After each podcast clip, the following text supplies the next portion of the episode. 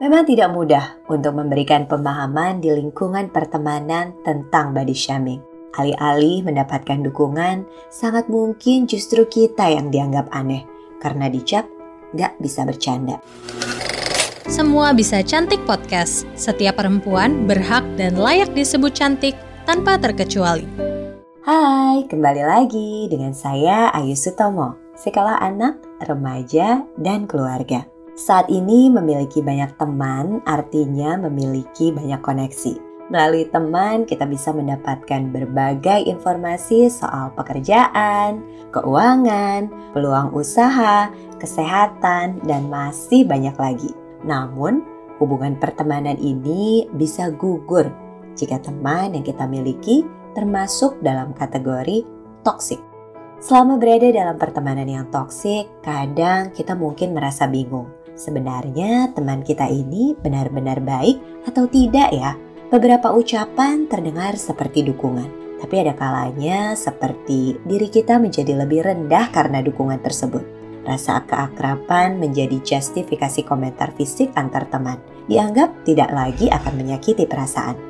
Namun, jika sering terjadi dan korban hanya bisa menumpuk rasa sakit akibat body shaming yang dialami dari teman, tentunya akan membuat hubungan pertemanan tersebut menjadi pertemanan yang tidak sehat. Memang tidak mudah untuk melepaskan diri dari situasi pertemanan yang kurang sehat ini. Terlebih lagi jika orang tersebut rupanya adalah orang terdekat atau orang yang paling kita tahu. Lalu sebetulnya apa sih yang bisa kita lakukan jika berada di lingkungan pertemanan ini? Memang tidak mudah untuk memberikan pemahaman di lingkungan pertemanan tentang body shaming. Alih-alih mendapatkan dukungan, sangat mungkin justru kita yang dianggap aneh karena dicap gak bisa bercanda. Meskipun demikian, edukasi tetap bisa dicoba untuk dilakukan membawa topik tentang body shaming dalam percakapan keseharian, dan mulai memperkenalkan apa itu body shaming dapat menjadi salah satu cara. Selain itu, mulai berani untuk speak up tentang edukasi terkait body shaming pada akun media sosial yang kita miliki juga dapat dilakukan.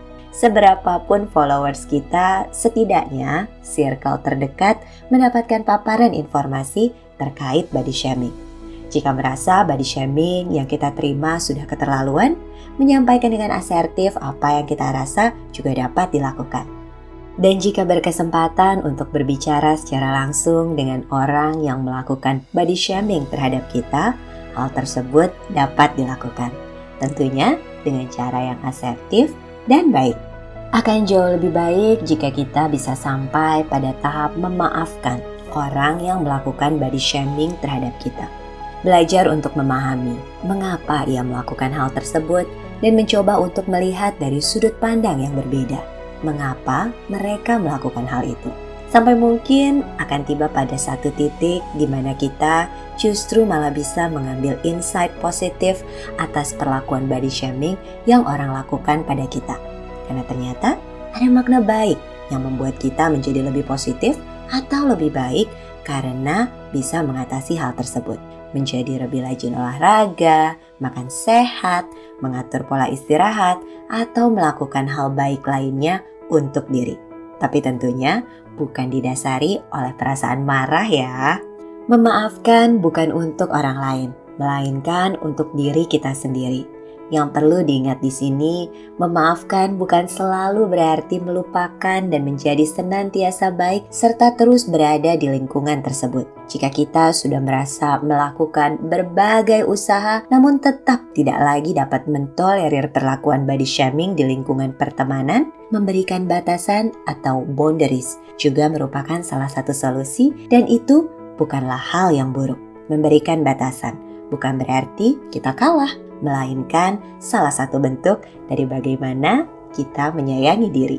Beberapa orang yang toksik mungkin dapat berubah, namun banyak juga dari mereka yang tidak ingin berubah. Tentunya hal ini merupakan pilihan para pelaku itu sendiri untuk mau berubah atau tidak. Bersosialisasi dan beraktivitaslah dengan teman lain yang bisa membangun dan memberikan dampak positif untuk hidupmu. Bila kamu mengalami kesulitan untuk mengatasi atau melepaskan diri dari teman seperti ini, jangan malu untuk berkonsultasi dengan psikiater, psikolog, ataupun konselor. Terima kasih sudah mendengarkan episode ini. Jangan lupa untuk follow dan beri rating untuk podcast Semua Bisa Cantik di Spotify serta nyalakan notifikasinya supaya kamu bisa tahu setiap ada episode terbaru. Saya Ayu Sutomo pamit. Sampai jumpa di episode berikutnya.